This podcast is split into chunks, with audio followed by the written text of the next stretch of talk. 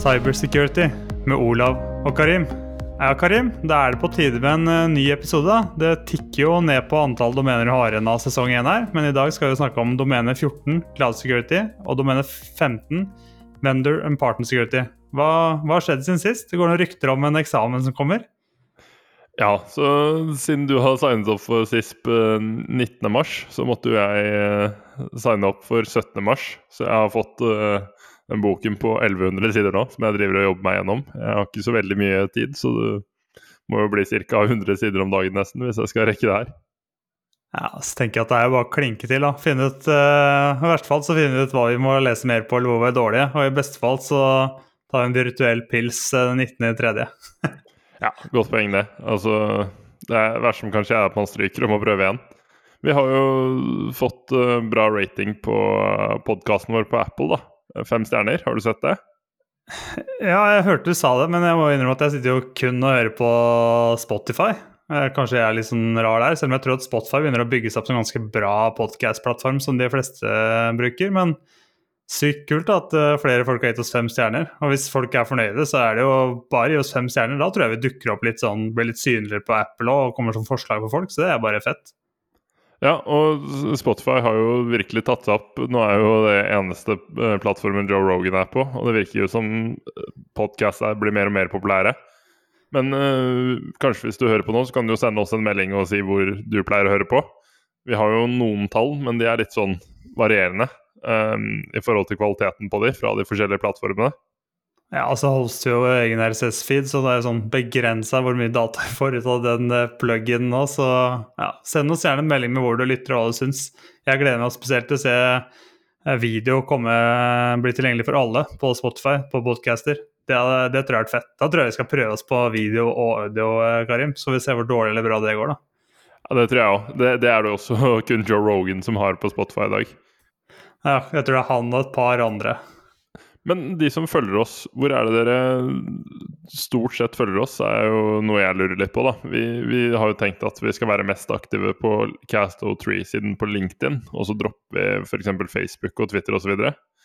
Uh, men hvis noen ønsker å følge oss andre steder, så gi gjerne beskjed. Hvis ikke så tror jeg vi kun kjører LinkedIn fremover. Ja, legger ofte ut på LinkedIn på mandager. En gang iblant så gidder jeg å sende ut nyhetsbrev. Eh, og så copy-paste inn i Facebook en gang iblant og få to likes. Så det er det på LinkedIn det skjer. Vi har vel igjen to eller tre Etter denne episoden her tror jeg vi har en to episoder av sesong én, Karim. Det er jo på en måte ferdig med Baseline Security-programmet som vi har gått gjennom da. Så driver vi og tenker litt på sesong to nå. Vi ser for oss kanskje å dykke inn i Cloud Security og ta oss veldig spesifikke emner der. Alternativt så tenker jeg å intervjue ulike selskaper og høre hvordan de jobber med cybersecurity.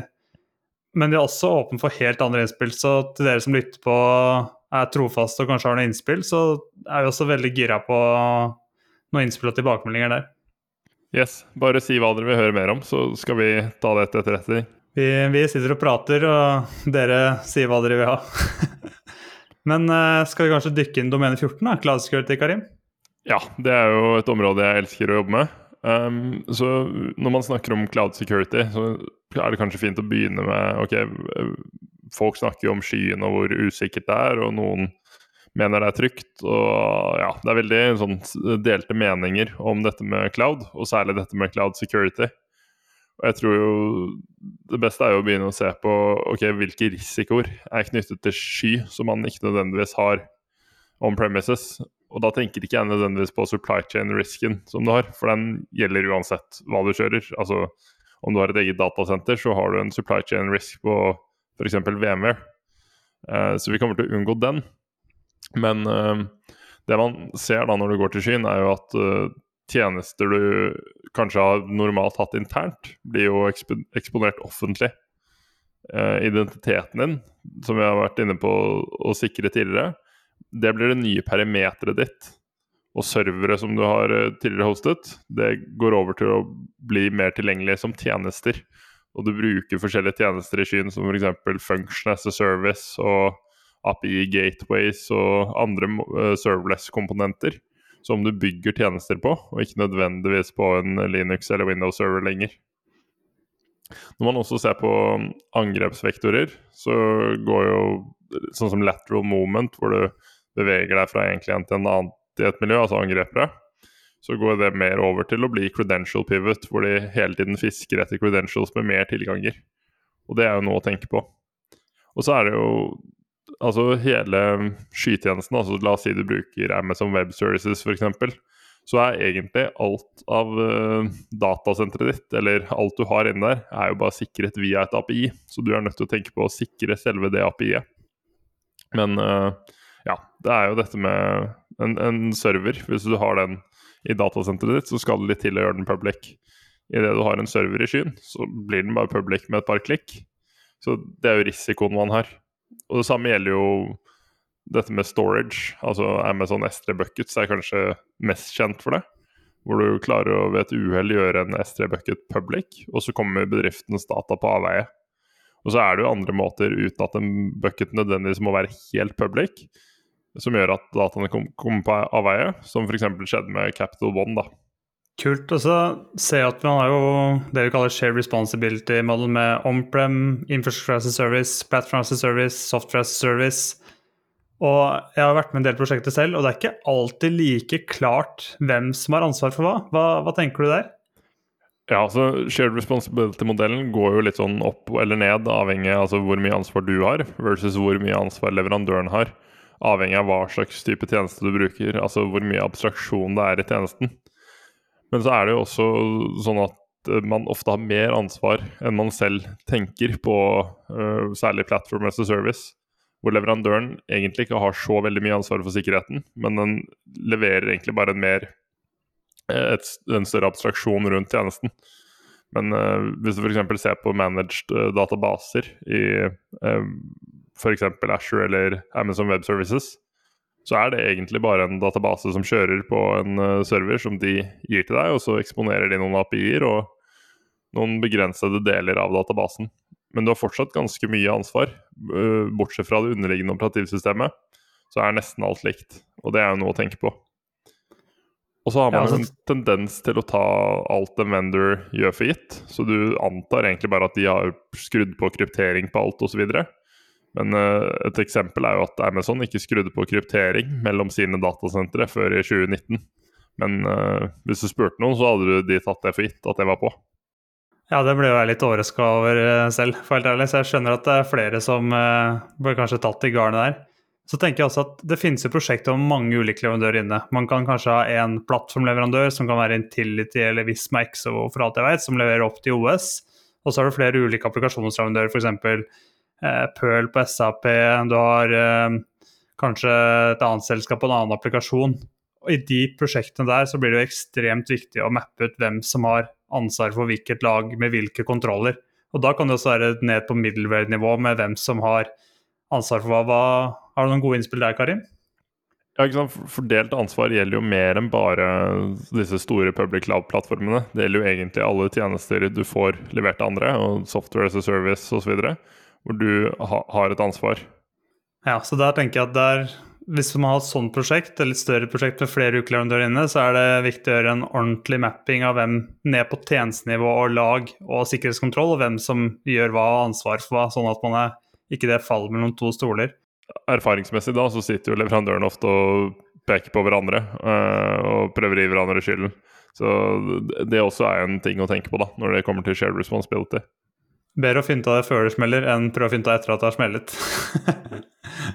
og så er det jo litt sånn i skyen at uh, ting endrer seg jo. Ting skal fortere ut. Uh, time to market. Uh, ja, kultur. Hva, hva, tenker vi her? Ja, det å gå til sky er jo et kulturskifte. Altså, du, du er nødt til å omstille organisasjonen litt og adoptere dette devops-mindsettet. Um, hvor du skal på en måte både utvikle og gjøre operations i ett da, for å dra fordelene av å ha hele ansvaret. Og det å kunne gjøre iterasjoner mye oftere, da. Eh, men det betyr også at flere får ansvar for sikkerheten, fordi du gir egentlig utviklerne dine mye større frihet. Eh, og du er nødt til å på en måte printe sikkerhet ganske godt inn i den kulturen, sånn at alle er klar over hvilket ansvar de har for sikkerhet, og gi dem de forskjellige verktøyene de trenger for å kunne ta det ansvaret på en god måte. Og så dukker det opp mye som du sa, noe mye nye verktøy i skyen, Karim. Blant Bl.a. automasjon, infrastructure as a code, eh, andre ting man kan gjøre. det må jo være en del opplæring og kompetansedeling internt der også? Ja. Øh, jeg, jeg, liker jo å ta den approachen hvor øh, jeg, jeg, som jobber med sikkerhet, når det er et skyprosjekt, tar del i prosjektet og prøver å på en måte vise at Én ting er å vise at ok, jeg kan, jeg kan mer enn bare sikkerhet. Jeg kan også skrive infrastruktur som kode og ta del i å utvikle automasjon og gjøre, gjøre liksom arkitektur og bygge eh, deployment pipelines. Men igjen så forventer jeg da mine kolleger at de skal ta en del av ansvaret for sikkerhet. Sånn at jeg gjør litt av deres jobb, og de gjør litt av min jobb. Eh, og det er jo en måte å bygge den kulturen på. Og så er det jo, når vi snakker om dette med automasjon og infrastruktur som kode, så er jo det en, uh, veldig viktig hvis du skal gå til sky, og gjøre det på en sånn måte. Fordi fordelene det gir deg ved å fokusere på automasjon og særlig infrastruktur som kode, er at du får en helt annen integritetsbeskyttelse på hva som foregår i miljøet ditt, og hvordan alt bygges. I tillegg så vil du lettere kunne recovere alt ved å benytte deg av infrastruktur som kode en ting jeg liker ved å lage infrastruktur som kode, er at jeg kan også bruke statisk uh, analyse av koden for å se etter f.eks. om en server er public, og så kan jeg automatisk feile en deployment eller gi en warning som uh, må overstyres av en utvikler, sånn at de tar et bevisst valg rundt å gjøre en ting public. Så der bruker jeg noe som heter CFN-nag for å gjøre det på CloudFormation, som er et uh, infrastruktur som kodespråk, men det finnes mange forskjellige verktøy for å gjøre den type statisk analyse. Kult. Så hvis ikke sikkerhet fra før av måtte enable selskapet nå sine mål, så må de i hvert fall gjøre det i en eh, skyverden. Det hjelper ikke da sikkerhet setter seg tilbakelent til stolen og så kommer på slutten. Da blir det jo bare dytta til sida, tror du ikke det? Eh, så man må komme frem, man må komme frem tidlig, man må dele ansvar og man må hjelpe hverandre i å nå sine mål. Så den gammeldagse skolen på IT-sikkerhet, den, den, er borte i skinn, for å si det sånn. Det funker ikke. Jeg er helt enig. Og så er det jo en annen ting å tenke på da, når vi nå er litt sånn dypt inne i skysikkerhet her, er jo dette med isolasjon av workloads. da. Så når du går over til skyen, så er det jo dette med at alt ligger på en måte i en kurv, fordi du har ett API som potensielt altså har alt av hele datasenteret ditt da, bak én API-nøkkel. Så kommer den på avveie, så har du egentlig gitt bort nøklene til slottet. Men når du designer en skyarkitektur, så må du designe den med isolasjon i bakhodet. Sånn at uh, du skal ikke nødvendigvis bare ha én AVS-konto eller én Ashore subscription. Du må tenke på å ha flere for ulike business units, og ha god isolasjon mellom de, sånn at det ikke er én nøkkel til hele slottet, men at du har uh, det man kaller for en mindre blast radius, da, sånn at impacten blir mindre når uh, ting går gærent. Kult. Nei, men da tror jeg vi har dekka cloud security, i hvert fall. Selvfølgelig ikke dekka hele alt av cloud security, men kanskje det som er absolutt minimum innenfor uh, dette innenfor sesong én. Hva tenker du? Ja, jeg, jeg, tror det er en god primer for cloud security. Og hvis dere er nysgjerrige om å høre mer om det, så rop ut. Uh, vi tar gjerne en in-depth uh, eh, podkast på cloud security. Kult. Skal vi hoppe på domene 15, da? Vendor og partner security? Ja, du kan jo si litt uh, om hvilke krav man bør stille til både partnere og leverandører. Her vet jeg at du har en del erfaring. Ja, så det man kan begynne med å si, er jo at vi kjøper jo ekstremt mye tjenester og software. Og hvis vi ikke gjorde det fra før, så har vi i hvert fall begynt å kjøpe veldig mye SAS. Med andre ord så ser vi den samme trenden på risikoer som du egentlig har vært inne på nå. Altså vi begynner å flytte dataene våre ut utrolig mange ulike steder. Og ofte jeg at man nesten stoler blindt, sånn som vi også var inne på med AVS i stad, på at det man kjøper, ja, men det er sikre godt. Nå, nå kjøper vi SAS, da, da, slipper vi å gjøre noe. Da har den leverandøren tatt kontroll på alt. Men for å begynne tidlig, litt sånn skift left-tankegang her også, så må vi begynne innkjøpsprosessen. Altså hva, hva, er behovet? For ofte så kan man legge merke til at man har liksom, i hvert fall et større selskap flere ulike siloer. Så markedsføring, hvis de er en silo, kanskje HR er en silo, kanskje IT er en silo. Og så er man ikke nødvendigvis så flink til å jobbe sammen. Og så skal en av disse ha et eller annet verktøy, og så er det sånn Ja, dette verktøyet er bra, dette har vi lyst på. Og så kjøper de, og så begynner de å legge data der. Og da har man gått veldig fort forbi et par veldig viktige punkt. Så jeg tenker begynne med hva er behovet? Har vi et annet verktøy fra før? Og der kan jo ofte de på IT eller en BSM, altså en Business Solution Manager, hjelpe deg med å finne ut av ok, men dette har vi 90 dekket et annet verktøy. Da er det ikke fornuftig å kjøpe et verktøy til. Vi bare tviker litt, og så er vi der. Og så tenker jeg det er veldig viktig å finne ut av informasjonsklassifisering på informasjonen du skal legge i verktøy, for det sier veldig mye om hvor mye tid man skal bruke på å stille krav og sjekke systemet. Altså Skal du legge konfidensiell data der, så er det en helt annen prosess enn hvis du bare skal legge noe som alle kan vite.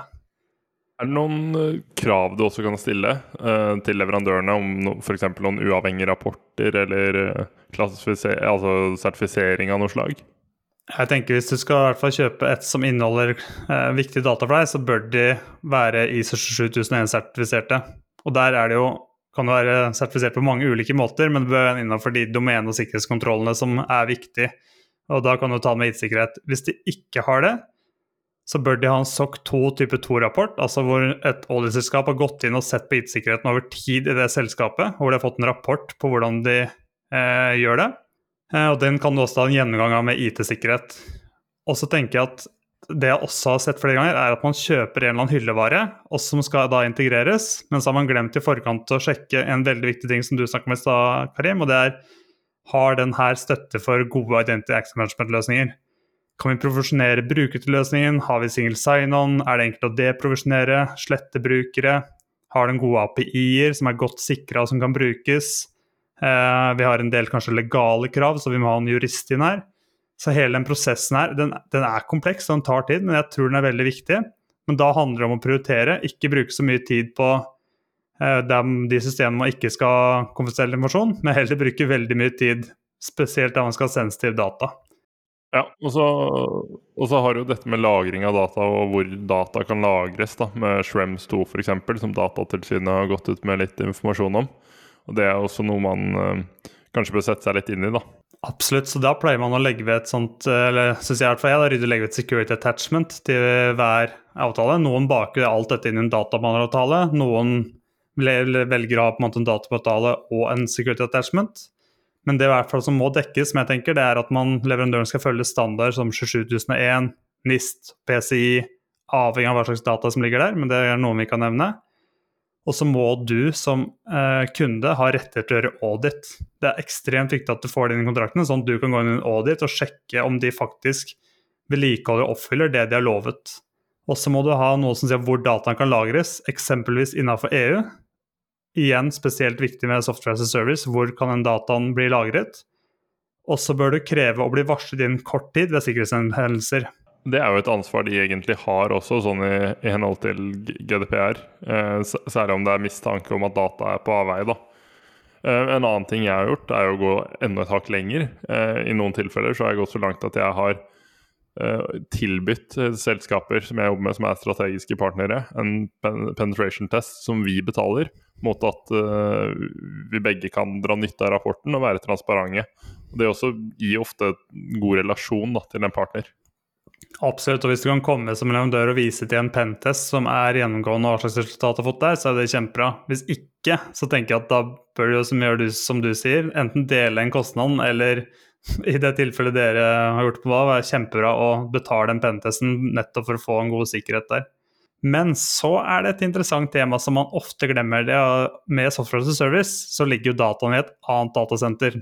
Det kan hende at den tjenesteleverandøren kjøper det som infrastructure service fra Amazon eller Asher, eller har et eget privatdatasenter for alt jeg vet. Men i det du sier opp den kontrakta, så må du ha noen krav på hvordan den dataen skal tilbakeføres til deg, og eller slettes. Sånn at ikke du ender opp at du ikke, eller f.eks. A, ikke får igjen dataen som du vil ha, fordi du plutselig ikke har krav på eller koster ekstremt mye penger å få den, fordi det står et eller annet sted i kontrakta. Eller B, at den ikke slettes 100 når du, du sier opp. Det er eh, noe man må ha stort fokus på. Eh, så bør leverandøren i mitt hode ha årlige disaster recovery-øvelser sammen med deg, og i hvert fall minimum alene. De bør ha en disaster recovery-plan. Det bør stå noe om data retention her, altså hvor lenge dataen skal lagres før den slettes, og det bør stå noe om backup. Det tenker jeg at er et absolutt minimum som bør inn i, i hvert fall alle SAS-kontrakter. Eh, Men uh, hva med når du har leverandører som jobber for deg, da? Uh, og ikke nødvendigvis bare tilbyr en tjeneste, men du har f.eks. konsulenter eller eksterne som har tilgang til miljøet ditt? Ja, den er artig, for den har vi også vært inne på litt før til. Vi kan gå litt dypere inn på her nå. Og det at du stiller veldig mye sikkerhetskrav til egne ansatte, du har et veldig bra image på laptopen, du har kanskje en EDR, du har en uh, andre moderne logging- og SIM-løsninger, men så kommer en leverandør med sin egen laptop som man sitter og gamer på hjemme i helgene, og så kommer den seg på nettverket. Da er det bare å si ikke bra. Så jeg tenker at samme sikkerhetskrav som de ansatte må også gjelde for eksterne konsulenter, vikarer og andre som skal inn. Da ser vi også på opplæring, du må ha en NDA. Eh, og så, kanskje det viktigste, er den prosessen du har med hvordan du gir de tilganger inn i systemet. Eh, her er det veldig mange selskaper som roter og har to ulike prosesser. Så man har én prosess for ansatte som man må ha god kontroll på. Men når en konsulent skal komme inn, så bare ja, men da oppretter vi en AD-konto og åpner litt tilganger til noen VM-er, og så, så er det greit nok. Men da glemmer man jo å avslutte kontoen, slette kontoen, fjerne tilganger igjen. Så prøv å ha de prosessene så like som mulig. Og hvis du har et IM-verktøy, men ikke har konsulenten din i HR-verktøyet for å spare lisenser, så sørg i hvert fall for å ha den i EM-verktøyet med en avslutningsdato på hvor lenge han skal jobbe, som et absolutt minimum. Det tror jeg er et godt innspill. Hva tenker du, Kari? Og, og, sikkerheten vil jo aldri være bedre enn det svakeste reddet, så man er nødt til å tenke på det her òg. Ja, og hvis noen skal angripe ditt selskap og som har en veldig god sikkerhet, så prøver du å gå via andre. Og Hvis du da har en eh, svak eh, konsulent inne fra et eller annet selskap som ikke tar sikkerhet på alvor, så er det veldig lett å komme inn den veien istedenfor. Tror kanskje vi dekker Romene 15 bra da, Karim? Hva tenker du? Ja, jeg tror det er tilstrekkelig. Skal vi hoppe over til dagens sjekkliste? Absolutt. Har du lyst til å begynne? Ja, så I forhold til cloud så jo Har dere en god forståelse for cloud security og hva ditt ansvar er av share responsibility-modellen for alle skytjenester du benytter av? Og så er det jo dette med kulturen, og stikkordet 'shift left' kommer jo særlig inn da. Um, har du liksom klart å tilegne kulturen til skyen, og har du klart å flytte sikkerhet mot venstre i utviklingspipelinen, sånn at altså, sikkerhet begynner først å følge prosessen hele veien gjennom. Og så er det isolasjon. Har du god isolasjon av workloads i skyen, eller ligger alt i samme subscription eller konto? Det er jo et selskap som het Code Spaces, som hadde alt i en av Amazon Web Services-konto. Og den kontoen ble kompromittert, eh, og så valgte angriperen å bare slette alt innhold. Og da var det slutt på det selskapet. Som andre ord, de som tror at noe er sikkert bare for å legge det i skyen, de må tenke litt annerledes. Nettopp det. Og så tenker jeg på domene 15, så er det viktig å ha en god innsynsprosess for nye tjenester, og spesielt software as a service. Eh, dere må også ha en god oversikt over hvilke ulike skytjenester det er, hvem som har ansvar for de skytjenestene, og at det er godt dokumentert. Du bør ha et security attachment som enten er et selvstendig dokument eller lever sammen med databaneravtalen, eh, hvor alle disse gode kravene stilles. Og så må man til slutt ha gode kontroll på konsulenter, eksterne og vikarer. Da tror jeg vi er i mål, jeg, Karim. Det, det, er vi. Så det oppsummerer jo da, eh, dagens episode. Absolutt. Da er det bare å ønske lytterne våre en uh, god uke. Følg oss på LinkedIn, uh, rate oss fem stjerner, og send oss en melding om hva du tenker i sesong to. Yes. Supert. Ha en god uke. Ha det bra. Ha det bra. Takk for i dag.